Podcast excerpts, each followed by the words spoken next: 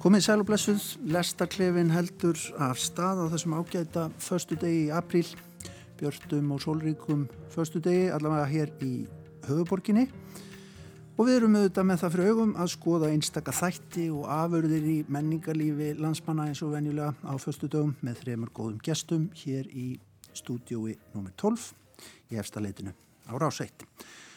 Og í dag þá sett ég gestum mínum fyrir tvö nokkuð afmörkuð verkefni og kannski eitt til viðbúta sem er aðeins meira fljótandi, við skulum sjá hvað gerist en kannski svona óvunnileg menningarumræða hér framöndan hjá okkur. Hingað í hljóðstofu 12 eru mætt til fundar við mig Harpa Átnadóttir, myndlistakona, Ása Helga Hjörleifsdóttir, kvikmyndagerðarkona og, svo, og síðan er hér maður sem að hlustendur rásar eitt ekki að mæta vel, eh, nefnilega útastmaðurinn Ævar Kjartansson nú vil að segja ekkinu líðu pínlítið þannig að það er bara gefa, gefa hænun eftir stjórntáttarins en, en það er annar mál. Eh, Takk allsum ull fyrir að bregðast vel við og koma í lestaklefan til mín Takk.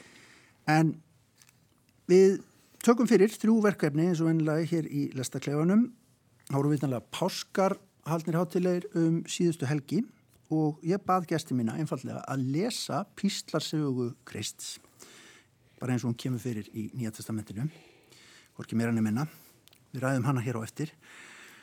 Og svo var í sjónvarpi allar landsmanna kvikmynd á páskadag sem að heitir sem að hétt og heitir Sótt kví. Við ætlum að ræða hana.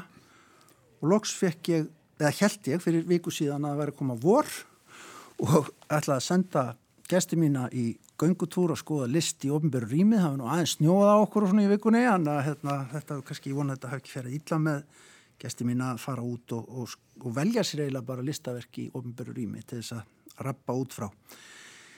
Eh, en við skulum byrja á kvikmyndinni sem umræðir, sjónvarsmynd sem heit, heiti Sóttkví og enn er hægt að sjá inn á spilararúf, stutt sjónvarsmynd sem að gerist í Reykjavík í mars 2020 í fyrstu bylgu COVID-19 Vinkonurnar Lóa, Hekla og Fjóla þurfa að fara í tveggja vikna sótkví og sækja styrk og félagskap hver til annarar með reglulegum fjarfundum á meðan.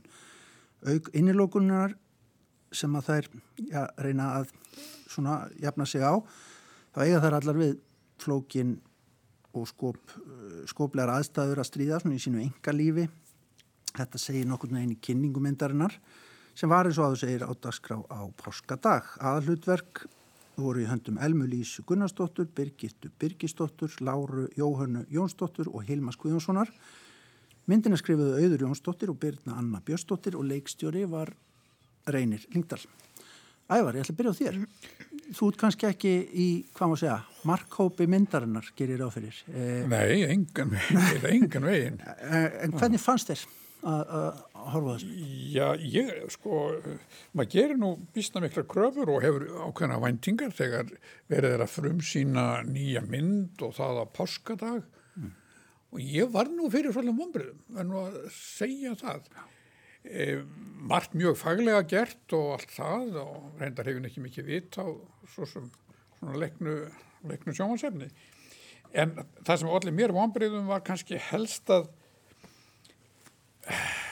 mér fannst eins og sko, eftir að hafa verið að glíma við sótt kví í ár þá fannst mér svolítið þetta vera bara píntið svona léttvægt. Ja. og ég ég voru að hugsa um það þegar ég horfaði þessa mynd mikið sakna ég sko spökstofunar þar að segja þess að hægt sé að taka á ýmsum fyrirbærum jafnóðum þarna var verið að taka á heldur svona grunnhegnum konum í, í, sótt kví uh, og þetta á að gerast alls í byrjun faraldursins. Mm -hmm. og ég ég veit það ekki sko. Mér fannst þetta að hafa mjög lítið umfram svona svona næstu í svona sitcom eða svona næstu því efni því tægi eins og spökstofan er. Eitthvað sem tekur á málefnum líðandi stundar mm -hmm. gerir þeim svo sem ekki, ekki mikil eða djúb skil. Þannig ég var fyrir svolítið vonbröðum með það. Að mér fannst eh, mér finnst að þarna hefði mátt kannski ígrunda hlutina píln sem eira og jáfnvel draga einhverjar svona álíktanir af þessu fári sem hefur gengið yfir mm. Ég var einmitt stoltið að hugsa með þetta sko að hérna, einhvern veruleiki sem manni finnst bara, við erum öll búin að vera í síðasta árið og mm. árið síðar þá er ekkit nýtt við þennan skjáveruleika, er það ásæg, menna þetta er það sem við höfum verið að lifa við og díla við. Já, algjörlega og hérna, já, ég er mitt sko, það var einhvern veginn og ég, ég, þú veist, það er náttúrulega rosalega mikið unni með bara skjá, alla þess að skjá fítusa og hljóðin í Facebook skilabóðum mm -hmm. og, og allt það. Og ég, ég hérna, þú veist, allavega ef ég tala fyrir sjálf mig, ég hef mitt búin að þurfa að sitja marga, marga, marga sumfundi og maður er alveg komið með hérna meiri nóg. Komið með nóg sko, en það var náttúrulega líka held í pointið í, í, í, hérna, í gerð þessara myndar. Já. en hérna, en já, ég hef til dæmis setið sko, tíma núna nýlega tók ég þátt í panelumræðum uh, panelumræðu á kvikmyndaháttíð í bandaríkjónum og, og, og svo sem var að stjórna umræðunum hún var alltaf að reyna að velja sér bakgrunn sko, hérna, og ég held hún hef ekki og hún svo, svo afsakaði hún sig eftir að því hún fattaði ekki við sáum öll þú veist, hérna, síbreytilegan bakgrunnin á meðan þetta var í gangi. Á meðan þetta var í gangi og þetta var svona en þetta er allt rosalega steikt og það er náttúrulega og það er eitthvað svona Sko það sem, já, það sem ég fór að hugsa eftir þessa mynd er að það er þetta, eins og þú segir, þetta er svona eitthvað tí, rosalega svona tíðenda laust tráma sem að, um, þú veist, margir hafa uh, verið í já. núna, bara í ár, rúmt ár og auðvitað ger ég mér grein fyrir því að hérna, þar, þú veist, uh, margir hafa mist ástvinni og bara mist vinnuna og mist hérna fjárháslega innkomi og bara þetta, þetta er í alvörunni náttúrulega bara alvarlegasta mál, alvarlegasta mál en, en mjög margir á Íslandi og, hérna, og margir sem er í kringumann veist, þetta, þetta er líka bara búið að vera svona eins og einhver svona súpa sem er bara mall alltaf á einu með tveimur og veist, það gerist ekkert og það er einhvern veginn og það er það og mér fannst það svona þessi svona þessi, svona, þessi tómleiki og tilvistakrísan sem að henni sem að, sem að, sem að því fylgir. Mér fannst það eiginlega áhugaverðara en ég, ég hefði viljað dvelja bara meira þar. Mér fannst þetta óþarfi sko, þetta, þetta, mér fannst þetta pínuð þvingað plott sko, þetta með að einn var alltaf búin að smita hinnar og mér fannst það að vera svona eins og okkur það kemur að einhver svona aristotelísk mm -hmm. krafa um sko, uppbyggingu í, hérna. En mér fannst það eiginlega heiðalegra þegar þetta er bara svona þetta var bara svona veist, einhverjar þrjár konur í, hérna, í Reykjavík sem eru ekki í einhverju stórkostlegu drama heldur einmitt bara þessu svona tíðendalösa tráma í rauninni sem þetta ástand hefur verið að, hérna, að frík út á því að því mér fannst, mér, fannst það að vera svona uh, uh, já, svolítið svona, veist, kannski svona það kunnulegast og það ferskast við, við þetta. Já. Sko Harpa, hvernig hérna fannst þér til dæmis leikur og annað, ég fór aðeins að hugsa um líka þetta er doldið erfið við horfum á skjáin í rauninni, skjáðeira allra og, og það er erfitt að tímasetja leikin einhvern veginn, auðvitað veit maður að þetta tekið upp einhvern veginn öðruvísi en síðan kemur einhvern veginn klippingin líka inn í þetta. Hvernig er þetta klippt þess að þetta virki og samfarrandi hátt, svona þessi skjáveröld? Hvernig fannst þetta gangu upp? Mér finnst þetta bara, mér finnst þetta já, mér finnst þetta mér finnst þetta alveg ganga upp fyrir mína parta þannig En annars verður ég að segja það að ég er sennilega eina manniskanni á Íslandi sem hefur ekki farið í, í Zoom-fund. Já, kannski. Þetta vá. Já, ég var um til að segja að það er bara afreikið sjálfur sér, sko. Það hafa, hérna, ég komist hjá því. Mm. Algjörlega. Og þannig að þetta er, þetta er nú ekki beint minn veruleiki en... Um, þú ert bara þunni vinnustofu þetta. Í, já, eða heima með krokkanum, það er bara þannig. Heimitt. En mér veist svona, jú, mér veist, eh, mér veist það er það er ná svona samt sambandi þó þetta væri á hverjum skjánum með já, þetta en það, það, það skiptur auðvitað milli en samt sé maður allar í einu, í einu. og veist, þetta var eitthvað svona sem er svolítið skemmtilegt og maður ekki séð eða ég allaveg ekki Nei. sé áður. veist, það leika af, afskaplega vel líka. Góður leikur, góður leikur. það eru uh, sko það er fín svona taktur ofta á millið þeirra en, en ég átti pínu erfitt með að finna bara samkendina hjá mér með, með, með manni þarf að þykja pínu væntum personunars til þess að Já, maður náði því ekki Nei. en ég er alveg samanlega því að harpa þetta sko, þessi skot af skjánum mér fannst það gera sér ágætlega og, og, og svona myndrænt líka já, já. Já. en um, en maður kannski sakna þess að þessar konur væri að fást við eitthvað sem skipti píltum meira máli heldur en hvort það væri kúkafíla af, af hérna, kjærastanum sko. já, já. Það, var, það var svona einhver svona mikið, realismi sem er já, maður er kannski svona gammal og ekki.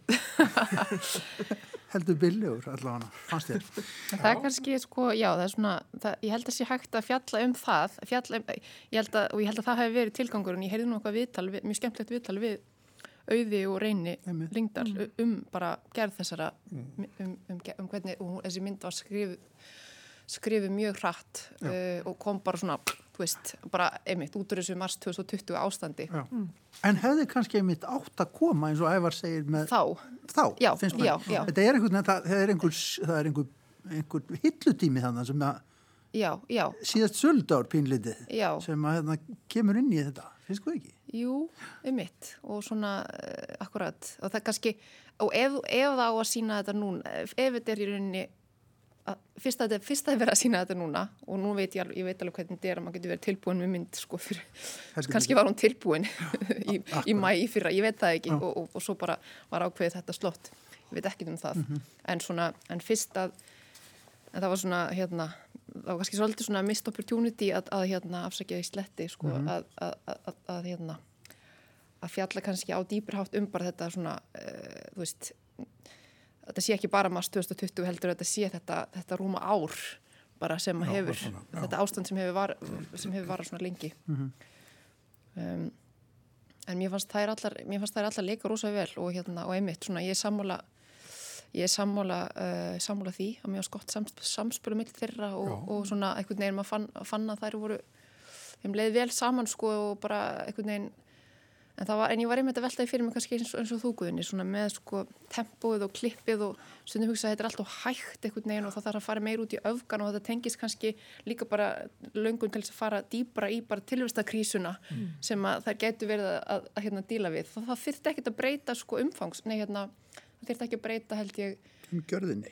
Nei, eða umfjöldunar efn, efnun í sjálfur sem ég, ég það, eins og ég sagði í byrjun, ég varst það bara mjög áhugaverst að það væri fastar í þessum svona innan gæslappa yfirbúrslega veruleika uh, nútíma konunar á Íslandi eða nútíma manneskjunar, sko, algjörlega burti frá kyni, bara að það, að það, eru bara þessi, veist, það eru þessir, hérna, þessi banal hlutir sem að maður er bara búin að vera fastur með núna, heima hjá sér í ár. Og hérna, mér fannst það allt komið vel út, sko, en það var svona einmitt, það, ég gati ekki gert upp mig hvort að, hvort að svona að það var eitthvað svona velgja í tempóinu sem að, hvort að það hafi átt að vera þannig, einmitt til þess að undistrykka bara þetta þetta, þetta tíðendalösa tráma eða hvort að það hefði mátt fara meir út í bara meiri tilfinningar sko, bara, í klippinu sko, og meiri öfga og meiri hraða og allt það. Það er nefnilega þetta með, með sko, þetta að vera, allt að vera sko svo skemmtilegt og, og svona grínaktugt, þetta er að vera að gera grín helst á öllum hlutum. Það er svo fínt einmitt, eins og ég nefndi á hann með spökstofuna, þegar þú færði eitthvað strax, það er, svona, það er verið að, boltin er bara grepinn á lofti, Já, en þegar verið er að vanda sig og, og leggja í allt svo sjónvarsmynd, þá finnst man einhvern veginn að það hefði nú verið ágætt að að gefa sér þá ráðrúm til þess að kafa svolítið dýpra í hlutina. Það var sagt, uh, það var kváð mjög svona ákveðið í stofun, stofunni hjá mér, býta ha, hvernig, hvaða rugl er þetta? Þegar að það hófst sem sagt ástarleikur á einum skjánum og það var eins og hún hefði glemt í að hún væri í beinni útsendingu til vinkvennina og þau voru allt í einu svona hálffarin að eiga við hvort annað upp í rúmi. Þetta, náttúrulega- þetta, þetta gerist ekki, var sagt, sagt á mínu heimili við því. Það var einhvern veginn svona einhver, einhverju brandara sem maður kannski gengur ekki alveg upp í raunveruleikanum eða hvað. Nú harpa nú þú ekki verið mikið hvorki í ástalegjum á hérna súmfundum yfir höfuð. Þú veist, Hvernig fannst þér svona þessi húmor ganga upp? Þú veist, þetta með, með allt í einu að hérna, allt í einu er maður einhvern veginn að ofnbera sjálfan sig frammi fyrir næsta manni í beinni útsendingu. Fannst þú þetta, flott. Já, sko, reyndar hérna ungu, já, eh, unga fólki á mínu heimili, þegar við ími slóu eða fóru svolítið hjá sér, sko, Já. þeim fannst þetta alveg galið, sko. Já. En, en mér fannst eiginlega, það finnast að það er, e, þegar að kærastinn var þarna að hamast á hjólinu og ætlaði, var alltaf að, að, að vekja einhverja byltingu, skilja, á, á svölunum og, og hún... Það algjörlega- reiðar og reiðari yfir Alltaf verða samfélags- reiðar og reiðari, já. Það er eiginlega, mér, finnst- já, já, Hilmar var þetta aldrei góðu karakter hérna, Já. á kantinum. Einhvern veginn í, En, en var þetta einhvern veginn ekki með, þetta er mitt að vera með, það var ekkit óviljandi, ég tólka þetta þannig, hún var ekkit óviljandi sem var með tölvun að opna. Hún var einmitt, þetta, hún var að sína þeim vinkonum sínum að, hvað hún væri ástfangin að nýja kerst já, eða hvað hún væri sexy, hvað hún kem honum hratt til að, að þetta, já, já, já. Að Ása, hvað heldur þú? Nei, ég held að það var- ég held að það hafi verið mistök sko, ég held að, ég held hún að, í merkingunni, ég held að hún hafi ekki alltaf að, hérna, en mér fannst þetta skrítið líka, ég, ég hugsaði sko, nei, hérna, þú, þú veist, come on, þú myndir, þú hefði nú lokað tölvunni fyrr, Já, ég held að. Ekki svo mikið sínu þar. Nei. nei, uh, þannig að, já, En það er svona, það er helst þetta sem að maður veldi fyrir sér svona um, um bara tempó, eh, hvenar, hvenar þetta á við og hvort þetta er eitthvað við lengur. Eða hvort, hvort þetta sé einhver veruleiki sem að, sem að skipta okkur einhverju máli í dag. Þetta er snögt að breytast allavega. Þetta er kennum manni það, það sem er, get, getur hafa vir, virkað áhugavert umræðefni í mars eða, eða mæ á síðasta ári, kannski ekki endilega núna á þessum voru mánuðum ári síðast. Þetta ekki. Hmm.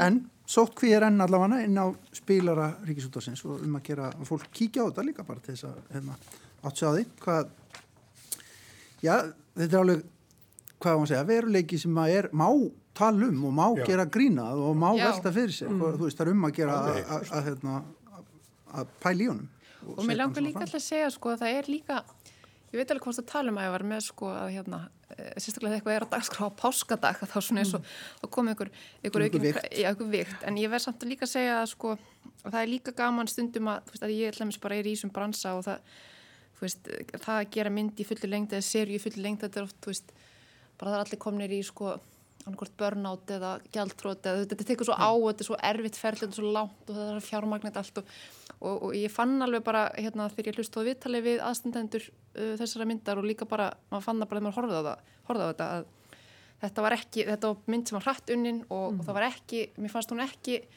taka sig alvarlega á þennan hátt sko, þannig að ég þannig að það, mér finnst líka hressandi sko að sjá bara eitthvað svona sem er bara, sem er bara svolítið Hugsaði. annað já, hugsa, hugsa öðruvísi Já.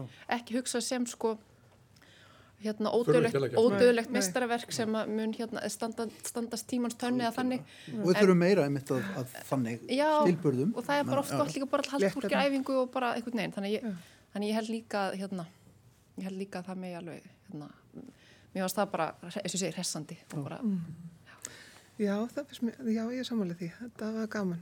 Já, mér finnst það. Sko, hvort að næsta umræðu efni okkar er endilega hressandi eða upplýfgandi eða skemmtilegt skal ég ekki alveg segja um. En ég bað ykkur um að fara einfallega bara í Nýja testamentið og lesa uh, sagt Píslasögu Krists. Gesti mínir hér í þættinum, kannski gott að nefna þá Ása Helga Hjólusdóttir, Harpa Átnadóttir og Ævar Kjartansson. Uh, en Harpa hvernig var að fara og fá þetta verkefni að fletta upp á, á Guðspjöllunum og lesa um Píslasögu Krist. Gerður þú á til dæmis páskunum? Varstu eða varstu bara þessu í gæra? Nei, bara svona, af, já, ég gerði það á páskunum, en, en líka, já, og svo, svo leitaði maður svona aftur. í þetta? Já, já. Þetta, er- þetta er náttúrulega, píslasagan er snertimann djúft Já. og að öllu leiti, einhvern veginn, gerir það.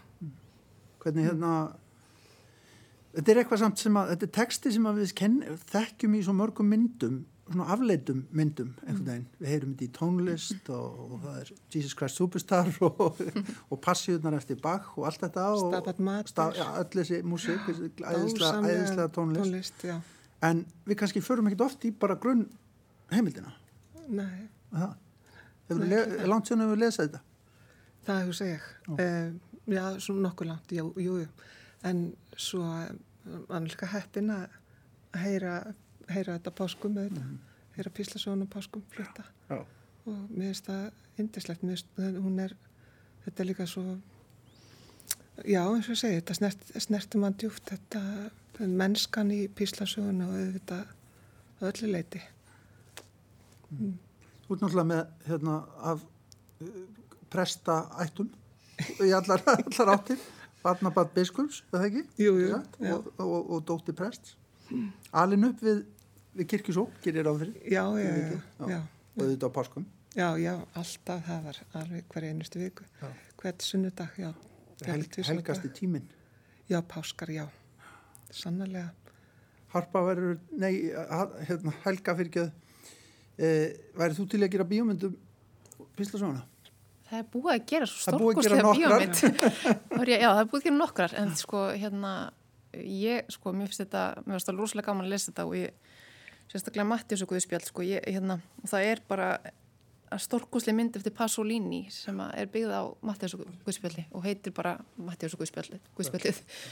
Og hún er öll, ég vil bara segja, hún er öll, hún er öll á YouTube í frábærum gæðum Okay. einhver hluti vegna og ég var einmitt að horfa á hann aftur bara, ég, ég, horfa, ég horfa á hann stundum um páska því ég, ég fekk einmitt ekki með þetta ekki trúarlegt uppöld eins og þú eða ég hef ekki, ég hef sko einhvern veginn var ekki í, hérna í rauninni þekkt kynntist ég, mér fannst ég fyrst kynnast biblíunni og, og hérna svona almennilega kannski bara í bókmyndafræðinni Mm. og, og svo bara, þú veist, kvikna áhugið þar og, en ég hérna þessi kvikmyndarlega stórkosteg og það sem, það sem ég fannst sko mér finnst þessi svona bara, þú veist Matti og svo Guðspjall, það er bara mjög, mjög gaman að bera saman píslasöguna náttúrulega og hvernig hérna, hún er svo mis svona tilfinninga, mm, mis mikið, já, já, mis tilfinningarhæðin og, og köpnum fannst með Jóhannes og Guðspjall vera bara svona eins og når maður lesa Íslendingasögurnar eða eitthvað, það er svona, þú veist, það er verið að gefa í skinn alls konar tilfinningar en það er ekki sagt neitt.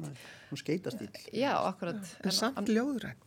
rosalega ljóðræn og hérna en í Matteus og Guðspili þá er alveg farið í bara, mér finnst það svo flott hvernig hann er einhvern veginn svo mennskur í bara til dæmis sko nótt, þessi nótt þarna, þessi hræðilega nótt áður en hann er krossfestur og hann er bara í mjög miklu kvíða og það, hann er, hann er, hérna, hann er í, í, samtalið við Guð er einhvern veginn er sko það er, hann, það er alls konar konflikt í gangi inn í honum finnum maður og það er svo mennst og, það, og, það, og, og þetta, þetta hérna því hann alltaf kallaður mannsónurinn og þá, finnum maður virkilega fyrir því og minnst það svo það er svo flott og hérna og bara og, og hreyfi virkilega við manni og, og hérna og það er bara mjög, mjög vel hérna allar þær svona ráu tilfinningar eru, eru bara eh, eru tæklaðar á rosalega flottan hátt í þessari Pasolini mynd Já, maður þarf að rifja hann. Því myndi komið kannski. Já, Ég hef mitt umgengst þetta svo mikið í gegnum músíkina sko. Og hlusta alltaf á reyna alltaf að hlusta bæði á Jóhanns Passíu og Mattias og Passíu Bax á páskum, er mm. bara Já. það er alltaf eftir stórkostlegt og fór til dæmis með hana út hlusta á Jóhanns Passíu núna í, á göngu í hérna, öskjuhliðinni og þegar að lætin eru sem mest í að þegar fjöldin vil, vil krossfesta krist og þá var ég eiginlega hálf sko hrættur í, sko, inn, inn í skoðinu ég verði viðkjörn að bara mús, lætin verða sem mest í músikinni sko, Já. var mjög áhrifaríki. Dramatísk, þetta er auðvitað bara þú veist það er ekki skrítið þó að hérna, listamennir hafi uh, orðið spendir fyrir þessu ævar. Þetta er, þetta er svakaleg saga. Er og einmitt, þú nefnir Bach að þá, þá var aðteglisvert fyrir okkur nútíma fólk að, að uh, þetta mikla tónskáld tekur sér til og, skri, og skrifar eða semur tónverk um, það er semst Jóhannesar Passía eða semst Pass, Passíusagan, Píslasagan samkvæmt Jóhannesar Guðspjalli og síðan Matteusar Passían samkvæmt Matteusar Guðspjalli. Þannig hann gerir hann vinnur með mun þarna á. Og þannig að það hefur verið svo nærtækt mönnum að, að áttar sig á þessum mun. Sko nú er endar nú er píslasagan í öllum fjórum guðspjallunum og, og hérna og auðvitað þeir sem eru virkilega vel að sér í, í, í, í biblíunni, eru biblíufróður þeir, þeir einmitt kannski áttar sig á því á, á muninum en við, fyrir kannski flest okkar þá Rennur rennur, það þetta alltaf saman enda náttúrulega hafa mjög margir sko og þú reyndir nefndir hérna, Pasolini, hann náttúrulega er að reyna að halda sig við við Matteus, Matteusar, Matteus. já, já. Og það hefur auðvitað ég meina að þú nefndir áðan Guðni sko Jesus Christ Superstar Já. sem ég held ná mjög margir minnstu að minnikynslu sko einhvern veginn fengur nú virkilega áhuga á, á biblíunni með því að hlusta á Jesus Christ Superstar.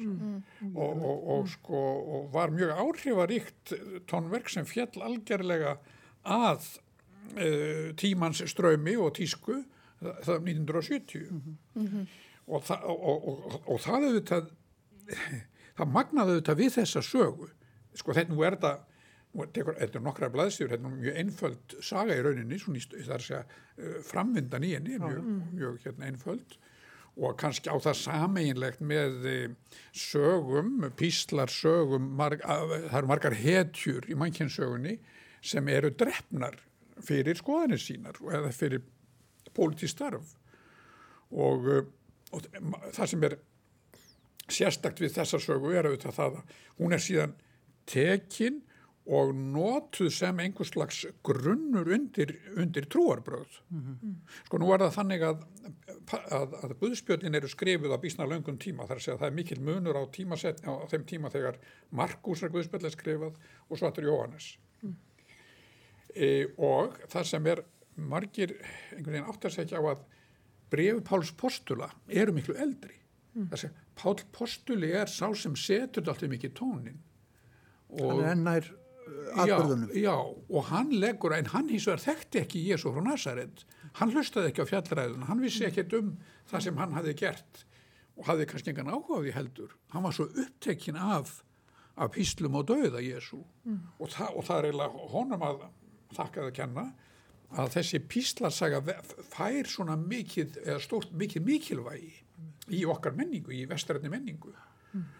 Og það má kannski segja að, að það fer svona eftir því, það er einhverstað hann að skil í þessari sögu uh, sumir taka dramatíkina í sögunni og segja, já, svona fer nú fyrir þeim sem er að hérna, rífa kjáft við, við yfirvöldin mm. og þeir eru bara teknur og drefnir að þakka niður í þeim. Mm. Aðrir hins vegar leggja í þetta miklu, miklu svona þingri og meiri merkingu að, að þarna hafi ekki bara einhver uppreistnarsegu verið tekin að lífi heldur það var Guð sjálfur sem var tekin að lífi. Og, þar, og þess vegna hefur þetta svo stórfenglegar afleiðingar fyrir allt mankin og, og, og, og þannig er grunnurinn á, segja, grunnhugmyndin í kristendómnum þetta kemur hendur ekki fram fyrir að koma það fram á fjórðuöld þegar saminast um trú, svo kallar níkeu trúarjáttningu 325 eftir Krist. Mm. þá loksins erum við komið sér niður á þetta hver var Kristur? Og þá komst menna því sem virkar nú satt að segja á nútíma hólk kannski eins og hverjunur já, ekki vittlis að það er að segja hann var sannur maður og sannur Guð. Sko, og við eigum svolítið erfitt með þetta. Þetta, þetta er einhvern veginn, þetta er bísna, bísna strempið mm. En þú nefnir, þú nefnir einmitt góðan punkt með, með pólitíkina eða sem sagt þær að písl, píslargöngurs séu fleiri en bara þessa manns að, í, í gegnum tíðina og, og, og þetta er svo mikið saga um það hvernig, ég hef alltaf til dæmis tengt svo mikið við Pétur sem er spurður þrísasinnum út í það hvort að hann þekki mannin, hvort hann þekki Jésu Krist og hann greið neytar þrísasinnum og hann galar Það er þessi ístöðulösi aumingi Já, en skil, maður skilur hann svo vel. Veist, að, að hérna, þetta er náttúrulega spurning sem gengur aftur og aftur, ég menna varst þú í kommunastafloknum? Þetta er makarþíismin líka jú, Hanna, jú, og, og maður skilur svo vel þessa afneitun. Hún er svo mannleg á þegar að hérna, á augur stundu svaraði nú sko. Pólitíkin í þessu að sko til dæmis Jónæsa Guðspjalli og ég lærði nú rýtskýringu Jónasa Guðspjall þeim þetta föður þínum Átnabergi heitnum og þar sem en á Jónas Guðspjall þá kemur þetta þessi mikla áhersla á, á ábyrgiðinga í þessum atbyrðum mm. og það svömmur hann og bentum þetta á það að Jónas Guðspjall sem er fyrsta svona gýðinga hattusritið mm. á Vesturlöndum það, það sé svo mikið, það, það er alltaf verið að vísa í gýðinga og það verðist verið að að Jónas að Guðspilla kannski skrifa hundrað eftir Krist eða síðar að þá hafi kristnumenn verið í staðið í, í, í, í mikill baráttu við, við, við gýðinga ofsóknir og þurft að setja ofsóknum. Og það, það er svolítið skrítin þegar maður les þennan texta svolítið skrítin, það er einmitt þetta orðalega gýðingarnir stóðu hjá og gýðingarnir mm. stóðu þetta feitt vegna þess að Jésu Kristur er náttúrulega gýðingu líka. Já Jésús Kristur er gýðingur og, og bara venjulegur gýðingur í, í þessu samhengi þarna. Þess vegna er þessi spurning hann uh, óskaplega skemmtilegur írskur fræðimaður sem hefur skrifað mikið um biblíufræði og hann gaf út bók fyrir nokkrum árum sem heitir einfallega sko hver drap Jésú mm.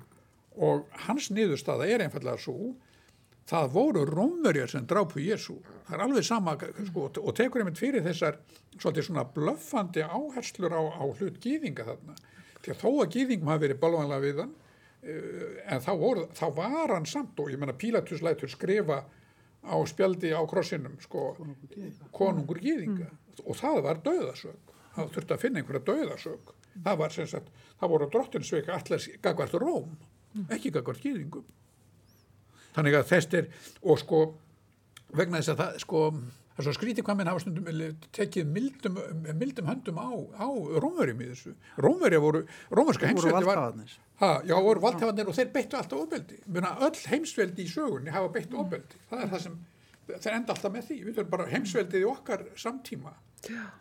Bandareikin mm. þeir beitt alltaf ofbeldi og eitthvað ekki bara þeir skjóta hver annan hann að ganni sínu svona út í, hérna, út í búð heldur þeir alltaf í heim, heimsmálum allþjóðapolitík, það var alltaf beitt ofbeldi. Mm. Og það var alveg nákvæmlega eins með Rómverja þannig það var alltaf svo sjálfsagt fyrir í huga Rómverja þess tíma að drepa þennan upprétnansegg mm. rífandi kjátt alla daga Hvernig fannst ykkur að fara í einu texta? Er þetta nærandi texti? Ég menna, er þetta, eða er hann finnst ykkur að vera ég veit ekki alveg, maður veit ekki alveg hvernig mann á að finnast að lesa þetta svona beint á kunni eins og kall, hvað finnst þér ásaka? Ég fannst þetta bara geggja stöf sko. Nei, ég var, nei, ég, alveg, mér fannst sko mjög gaman að lesa þetta. Ég, að því þetta er einhvern veginn þetta fer inn í eitthvað alveg hérna. Snerti djúpan streng. Já, algjörlega og, og, og, og í þessar svona grunn tilfinningar og náttúrulega og við erum náttúrulega svo gegn sósa af bara af kristni og af biblínu hvort sem maður hefur lesið, lesið hana mikið eða allir stuffið hana eða ekki það skiptir ekki máli, mm. maður er bara einhvern veginn hún er bara, hún er bara þarna og hún er öll, hún er svona eins og í genamengi okkar allara hér Já. í þessum heimsluta og, og hérna, en mér fannst óbúslega gaman að lesa þetta bara út, út líka út frá um, kannski eins og ég nefndi aðan, ég veit það ekki en svona út frá bara uh, sko sögu uppbyggingu og persónusköpun og Já. hérna um, þessi svona og, og, og hérna þessi munur til dæmis sko eins og bara í Matti og svo Guðspjalli þegar síðust orðinans eru hérna Guðminn hví hefur þú yfirgefið mig? Ja. en á meðan að í Jóhannessar Guðspjallinu þá er hann bara eins og mætir hann örlegum sínum og segir ég man ekki hvort það er all, nú, allt er fullkomnað. allt er fullkomnað, já einmitt og það er einhvern veginn og það, mér finnst það rosalega áhugavert og bara sko hugmynd, svona adressar hugmyndir okkur um hvernig maður á að bregðast við einmitt á augustundu eða hvernig maður á að hegða sér og, og hérna og er það ekki einmitt, sko, mér finnst einmitt Jésu eins og hann byrtist í Matteus og við spjöldið þessi svona aðeins meira desperat Jésu, Jésu mér finnst það vera í rauninni miklu svona, þú veist, það reyfi við manni meira eða mér, mér finnst það vera svona uh, mér finnst það vera uh, sína í rauninni meiri karakterdýft og, mm -hmm. og bara svona það að hann sé pínliti mennskur Svo er náttúrulega þetta sem eitt sem við erum ekki búin að ræða um, það eru þessi svík, það eru svíkara kossin og, og, og alls svo svakalega vikt einhvern veginn og, og þessi, mm. þessi þarna eftir kvöldmáltiðina sko, þegar, þegar rómverðin koma. Jú, jú, en, en, en Láta kaupa sig fyrir silupinninga. Já. Já. Hugsa ykkur áhrifin að þessum texta á allar, allar okkar menningu og bókmyndir og 30 silupinningarnir, það er eitthvað sem allir veit hvað er og En, en þetta sem þú nefnir á sem er munin, þar að segja, í Matteusi þá er þetta mannlegra mm. og það er nákvæmlega það sem gerist, það er að segja að Matteusa Guðspjall uh, og, og, sessi, og reyndar öll samstofna Guðspjallin sem eru kölluð, mm. Markus, Matteus og Lukas, þar er, þá getur maður alveg ímyndað sér að, að þessi maður sem var neldur á krossin, hann hafi verið gættur þeim mannlegu tilfinningum að vera hrættu mm -hmm. og við tekjum um framtíð sína mm -hmm. en hjá Jóhannesi þá er komin meira guðlega hugum mm -hmm. og enda Jóhannesar Guðsvörð byrjar á því upphæfur orðið og orðið var hjá Guði og orðið var Guð Stórkostlegar Þannig að sko, sá gamli sálmur eða hvað það er sem svo texti er ja. að hann kemur inn með þetta að að, að Jésu frá Nazaret var ekki venlega maður, hann var Guð Guðsson, ja mm -hmm. og, og þá kemur þessi þungi það það er, og það er úr Jóhannaskvöðspjallinu sem og reyndar var Pál komin með það áður sem þetta sem ég nefndi á þann að þessi þróun að líta á Jésús sem Guð og, og Jóhannaskvöðspjallinu sagt frá því að að Jésús imblæst þeim heilugum anda eh, eftir, eftir, hérna, eftir upprísuna. Þar þá er komin grunnurinn að þessu, þessari þrenningarkenningu sem er erfiðu bytt í háls fyrir mjög marga og þar sem til dæmis uh, múslimar ger alltaf grína kristnumannu fyrir þetta, segir alltaf byttu, eru þið ekki engiðistrú? Mm. Þið eru með þrjákuði, hvað er auðvitað? Mm, Þrjáfald kerfi. Harpa af því að við erum að fara að svissa yfir í myndlist, maður þá kannski spyrja þig bara, uh, hefur trúin, uh, sko, er hann, er hann grundvöldur í þinni myndlist? Um, já, ég myndi að segja um, bæði, já, í rauninni e, bæði og. Ég, Það finnur stundum fyrir henni í myndlistinni þinni. Já, um, ég hef gert verk þar sem ég hef til dæmis notað e, eða notað, það kom mér í hug meðan ég verið að vinna verkin til dæmis úr sálmónum sem titla eða annars dreymir inn í þegar ég er að vinna bara svona eins og í flæði já.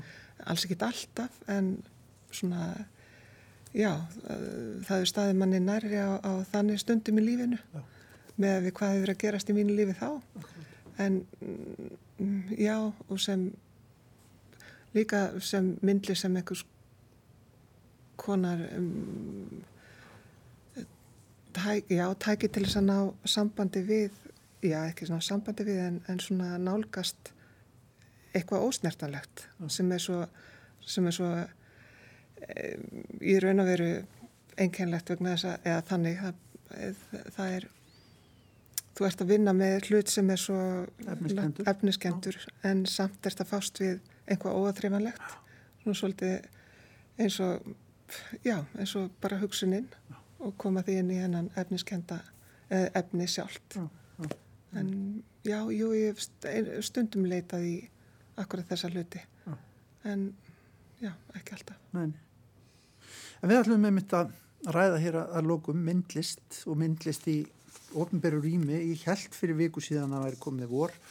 Síðan eiginlega bara búið að vera snjór uh, og, og, og kallt svona annarkvæmt dagallagana og svona frekar reyslingslegt en, en hér í borginni. Og svo sem við erum landað þetta líka. En það var eiginlega svona vor hugsun í þessu að láta ykkur fara, ég vona að ykkur hafi ekki orðið mjög kallt að, að fara út og skoða.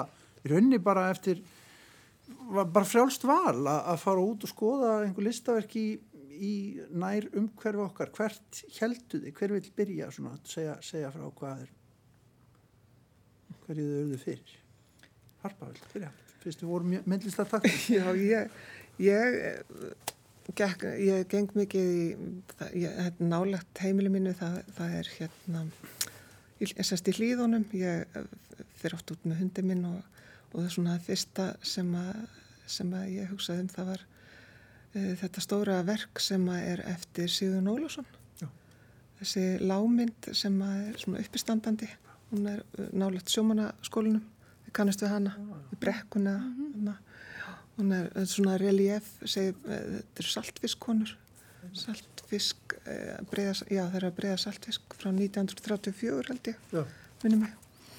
Og hérna maður svona svo sem um, ekki, ég hef svo sem ekkert mikið verið að spá í, í listi ofinberi rými en það er eitthvað sem þú sér þegar þú fer út með hundin um, hvert einasta sinn þá, þá getur ekki farið öðruvísi heldur en að þú farir að virða þetta fyrir þér og mér finnst þetta verk alveg opbúslega fallegt. Það er stert og sérstætt eitthvað svolítið, mann finnur fyrir þingslónum í, í sko þessar saltvisk þar eru að breyða saltvisk það er svona, það eru tvær sem sagt, það eru tvær um, það skiptist í tvent, það eru fjóra konur fyrir ofan eða uppi, myndflauturinn skiptir tvennsast og fjóra fyrir neðan og maður sér svona hvernig teikningarna skarast og tengjast. Ah. og mér fannst já, mér fannst mér fannst þetta virkilega fallegt, fallegt verk. Mm. Það eru mitt þetta með hundaeganduna, þeir eru svo duglega lappa, mann líðustundum eins og það er einstakar sinnum sem að þegar ég fyrir út í gungtúr og maður hittir svo marga með hund og manni fyrir eiginlega hálf að líða vandræðarlega að vera ekki með hund sko. það er svona eins og maður sé eitthvað skrítin að vera út í gang Varlega þetta fara út að ganga nefnum að vera með hund sko. Nei, það er eiginlega hálf vandræðarlega mm. Sko Sigurjón er náttúrulega út um allt ég rak hérna augun til dæmis í verk sem heitir með trúarbröðin og er út við Seltjarnaneskirkju, þar upp á hæðinu við Seltjarnaneskirkju uh, ég var þeir í mjög góðu veð- veðri og það var svo gaman að sjá horfa undir, ganga að verkin og horfa undir sem sagt verkið hjá Sigurjóni sem eru þessir svona hans enkinandi vírar og form og, og hérna, svona þungu efni upp við alveg heiðbláan heiminn líka. Og það skiptir náttúrulega svo miklu máli hva, í hvaða aðstæðum maður er eða í hvaða veðufari maður er þegar maður fer af stað og að skoða myndlist í úti ég fór í dag til dæmis og skoðaði þennan garð sem að er að hluta til búið að setja upp í e, nýri við tjött sem sagt í, í hljómskálagarðinum það eru komin dolli slatti af verkum saman Já. í hotninu sem er næst Háskóla Íslands og, og virkar ágætlega en veit ekki alveg hvort það virkir nógu vel að setja upp svona, hann er eins og sé half tilbúin sá, sá hérna, verkagarður finnst manni mm -hmm. ég vant aðeins fleiri verkar, veit það ekki Ása, hvert fórst þú? Já, finnst þú nefnir hérna, einmitt, hvernig veður hefur áhrif á svona verk, en ég, ég sem sagt fór í gær, það var nú mjög kallt sko, en ég fór hérna bara uh, að, að útlög, út, útlögunum, út, eða stittunni þarna hjá gamla kirkjugarðinum Var það einmitt á hann líka? og, og það var svo flott að sko, að þetta er svo þetta er náttúrulega rosalega uh, þetta er náttúrulega bara alveg magnaverk og einhvern veginn bara uh, mér finnst það svo hérna mér finnst það minna mig svo á það að hérna hvernig sko aðrar þjóðir, stærri þjóðir hafa einmitt svona um, þeirra stóru narratífur eru kannski tengdar einmitt trúni eða, eða stríðs, stríðsnarratífum. En, en, en, en þessi svona stóra þessi svona stóri presens hér er, er svo mikið náttúran og, og, og, og það er svona þessi Lífið svo harbílar, harbílar landi. Já, það er þessi stóra óbeislað ógn sem að við þurfum að búa við, af því við erum ekki með sko fólksfjöldan eða stríðsnarratífunar eða, en það er kannski hérna uh, all, allavega við myndum að hugsa það kannski náttúran og líka sjómennskan og, og allt sem að hérna, Dramatíkin. já, tráma, trámat sem tengist því líka. Um, en sko mér fannst það hérna og líka hvernig sko maður sér það bara, með, einmitt, við vorum að ræða hérna píslasöguna og, og hvernig sko trú og stríð getur kert fólk að endumörkum sínum. En þarna sér maður hvernig sko manneskjan hefur verið keir, þessir útlagar þeir hafa verið kerðir að sínum endumörkum sko út í náttúrunni og náttúröflun hafa gert það. Og, og það er svo flott en það sem ég ætla að segja akkurat núna þá er líka sko hún svona, svona, svona hálfþakin snjó sko stittan svo byrja snjóurinn svona að leka niður andlit personana þetta verður svona eins og einhverju mjög dramatískir svona sultadrópar og hérna og, og, og það er rosalega flott. En, en hérna ég fór líka að hugsa um þetta í samingi við sko bara eldkosið og hérna sem ég er nú ekki búin að fara að sjá en sko það að því við við, við trúum á náttúruna einhvern veginn og hér og það er svona eins og hérna það var rosalega flott mynd í fréttablaðinu um daginn og bara fórsíðunni sem var svona eins og vor, það var svona eins og mynd af pílagrímum, við veitum hvort þið sáu þetta það var fólk sem var að flikja stað. Já. að eldgúsunni og þau heldu öll í þetta reypi og, og náttúrulega fæstir með hanska og svolítið bara skýtt með sóttvarnir sko. en, en það, maður fann bara að þetta var bara veist, það, fólk verður bara að fara og ég skilða 100% sko, en það er svona það var eitthvað alveg hérna náttúran, hún bara svona kallar og, og, og það er bara þetta var svo, það var svo augljóst á þessu ljósmynd og, og ég fór líka að hugsa um þetta bara þarna við þessa styttu. Ég var að horfa, horfa á hana aðeins í dag útláðana og, hérna mér veit ekki, það hefur nú stundum verið skipt um staðsetningar á þessum stittum eins og frækt er, ég hérna, Vaspurinn. Vasperinn er komin nýr í, nýr í hérna, gósina og svona Mm. og hann, og hann, hann var við veðstofuna, það ekki, jú, síðast. Um, Hann er alltaf lágt hann, maður sér hann ekki Já, ég er hrefna nánum þannig Já, ég er sammála því mjög ánægð með það. Er mjög ánægð með Svona lágt. Og líka með svona stemmið við söguna og allt. en ég fór að hugsa um útlæðana mm. hann er komin aldrei á umferðaröfu blessa, Já, með, með fjölskyldun á bakinu. Já, Já, og, það er rétt. og er hérna það er bara bílarnir streymaða framhjá og, og svo er komið svo hátré á bakvið bakvið stittuna og hann horfir einhvern veginn bara á kirkjugarinn sem að passa kannski alveg kannski er hann að vera hérna, grafa konuna í kirkjugarnum sem Já, er á bakinu á hann nei, meiri segja meira svona eins og bara þjóðbóklun eða eitthvað sko, en, en það er rétt, hann snýr Mér finnst hann eiga að horfa til fjalls einhvern Já, veginn, ég veit ekki, minnst, minnst hann þetta er alveg rétt, þetta er ekki þetta er ekki, alveg nógu vel hérna, þarna. flattering Nei, staður fyrir hann lítur hérna. sér ekkert sérstaklega Nei, vel nei. þessi magnaða stitta Ævar, hvað skoðaði þú? um Sko, veðrið og byrtuna til dæmis í gær, ég fór ég með dreif mig í gær í skítakvölda í Hallsteinsgarð upp í Grárvogi sem upp á hæð sem er hann yfir uh, allt svo Guðunesi Það sem eru týjir verka, eða ekki? það, það, það, eru, það eru, heitir Hallsteinsgarður og það eru 16 myndverk sem Hallstein Sigursson uh, vann á árunum hvaða, 1983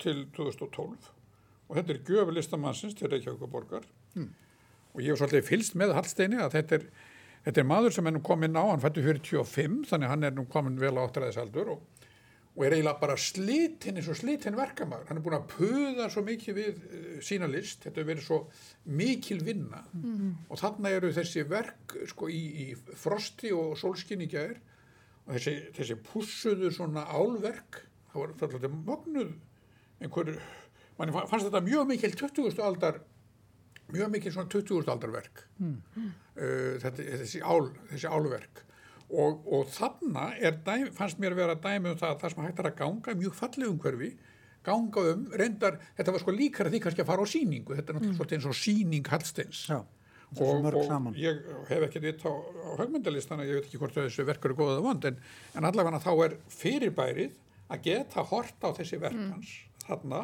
út í, út í ú, bara út í náttúrunni mm. mjög, fannst mér mjög skemmtilegt og ég hvet fólk til þess að fara og skoða skoða þessi verk, gefa sér tíma til að lappa þess um þennan garðans mm -hmm.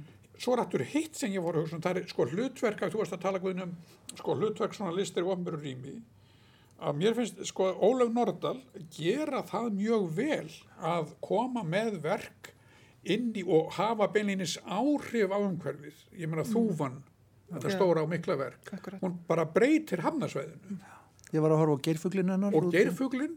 Sem er með fuglalífi kringum sig, eins og, og fugglamamma. Og verkið, og verkið hér, altså bríatarverkið í garðinum hann við, við þingolstrætin líklega, sko, sem er, sem er mjög flott verk sem þú getur gengið inn á, það er svona eins og lítil sena eða mjög flott verk og fellur mjög fallega að umhverfinu. Mm. Og svona Jú, jú, það er mörg leiri sem hún hefur gert eins og þannig á vestur á Seldindanissi, fótabæði. Fótabæði, já.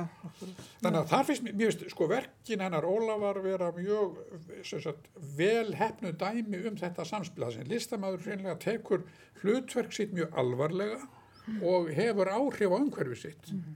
Og svo aftur í tilvíkja Hallstens, það sem listamæður sem er búin að vinna langan vinnudag tekur sér til, ég að hann hafi ekkert vitið hvað að gera þessu verk og, og og setur þau upp á hól og gefur borginni.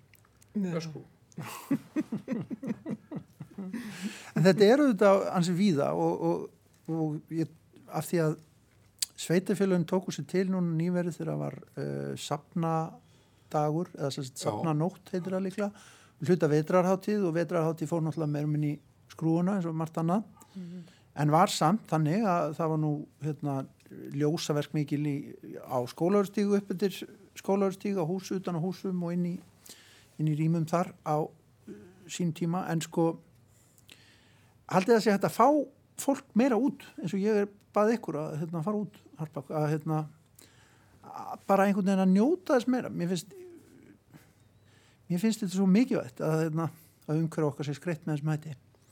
Já, yeah. og lífgað við. Og lífgað við segir. Já, einmitt eins og ljósanótt þegar Hallgrímskirkja fekk, fekk þetta fallega verk. Breyt, já, breytti Stulaberginu einhvern veginn, hreyfði það í meðstæðalveg meira hotar og opuslega gaman að ganga um í myrkunum og sjá hvernig, hvernig ljósinn breyta ekki bara e, skúldurum heldur byggingum og annað. En veist, í raun og veru heitla mig mest eins og þú veist að tala um Ólíu Nordal til dæmis skúltúra sem að maður svona eiginlega nýtur um þannig að það er svona að maður tekur, tekur alltaf eftir í fyrir maður stendur beint fyrir framann mm -hmm. ekki beint svona eins og á stöppli eða þannig laga þó þessu fallið líka mm -hmm. en það er svona að gefa mér kannski einna mest að er svona ó, nei, hér er skúltúr Já, Já. Ég gekk fram á eitt þannig sem ég held að ljóta verið eftir Kristins Rapsson Einmitt, ég var akkurat að hugsa um sem er oft svona, maður rekur þetta í, í, svona eins og gangstjættar það hlýtur að vera, vera lítið verk sem er á suðugötunni. Það voru þrýr svona eins og kollar sem maður getur tilt sér á. Mm. á einum stöndur kem nei, koma vera, fara stendur á þeim. Mm. Mér finnst þetta aldrei gott. Og heila ekki neitt meir en það þetta, bara, þetta, hlýtur öfut til Kristinn, ég veit ekki samt. En það, ég fór hans að hugsa um það líka þessi list sem er ekki ekki endilega á, á forsendum hins ofinbera heldur líka heldur sko enga aðila en er samt svona við og við þegar ég fór að horfa til dæmis á verkið hans Sigurðar Guðmundssonar við alvogen byggingunar í Vassmýri mm. þar eru risastórir risastór höfuð eftir Sigurð þessi úr höfuðans, frum höfuðans og þar, þar, er, þar er listin einhvern veginn á forsendum enga aðilans en, en til þess að lífka upp svona umhverju okkar allra samt, mm -hmm. minnst þetta líka algjörlega til hérna góðrar eftirbreytni að, að hérna, þeirra enga aðilar taka að sér að, að standa fyrir svona hlutum mm -hmm. Mér fannst líka sko ég að því ég gekk hérna frá útlagan, útlögunum yfir hérna niður í er ekki hafnastræti, það sem mm. að tóllhúsið er Já. og að því að mér langaði til þess að að nefna sko verkið hennar gerðar Akkurat. líka Já. sem er einhvern veginn líka gerir, minnst alltaf breyta Reykjavík í einhver evrópsku stórborg sko bara, eða þetta er eins og okkar gernika eða eitthvað, þetta er svo flott Já. en þá lappaði ég auðvitað gegnum sko kirkjugarinn gamla og, og hérna og þó svo hans ég ekki listaverki í, í, í kannski hefbundni merkingu þess, þess orðs að sko finnst mér viðhaldið á honum vera listaverk og bara og, og þessi og, og, og gamli hlutin og leggsteinatinn sjálfur Já.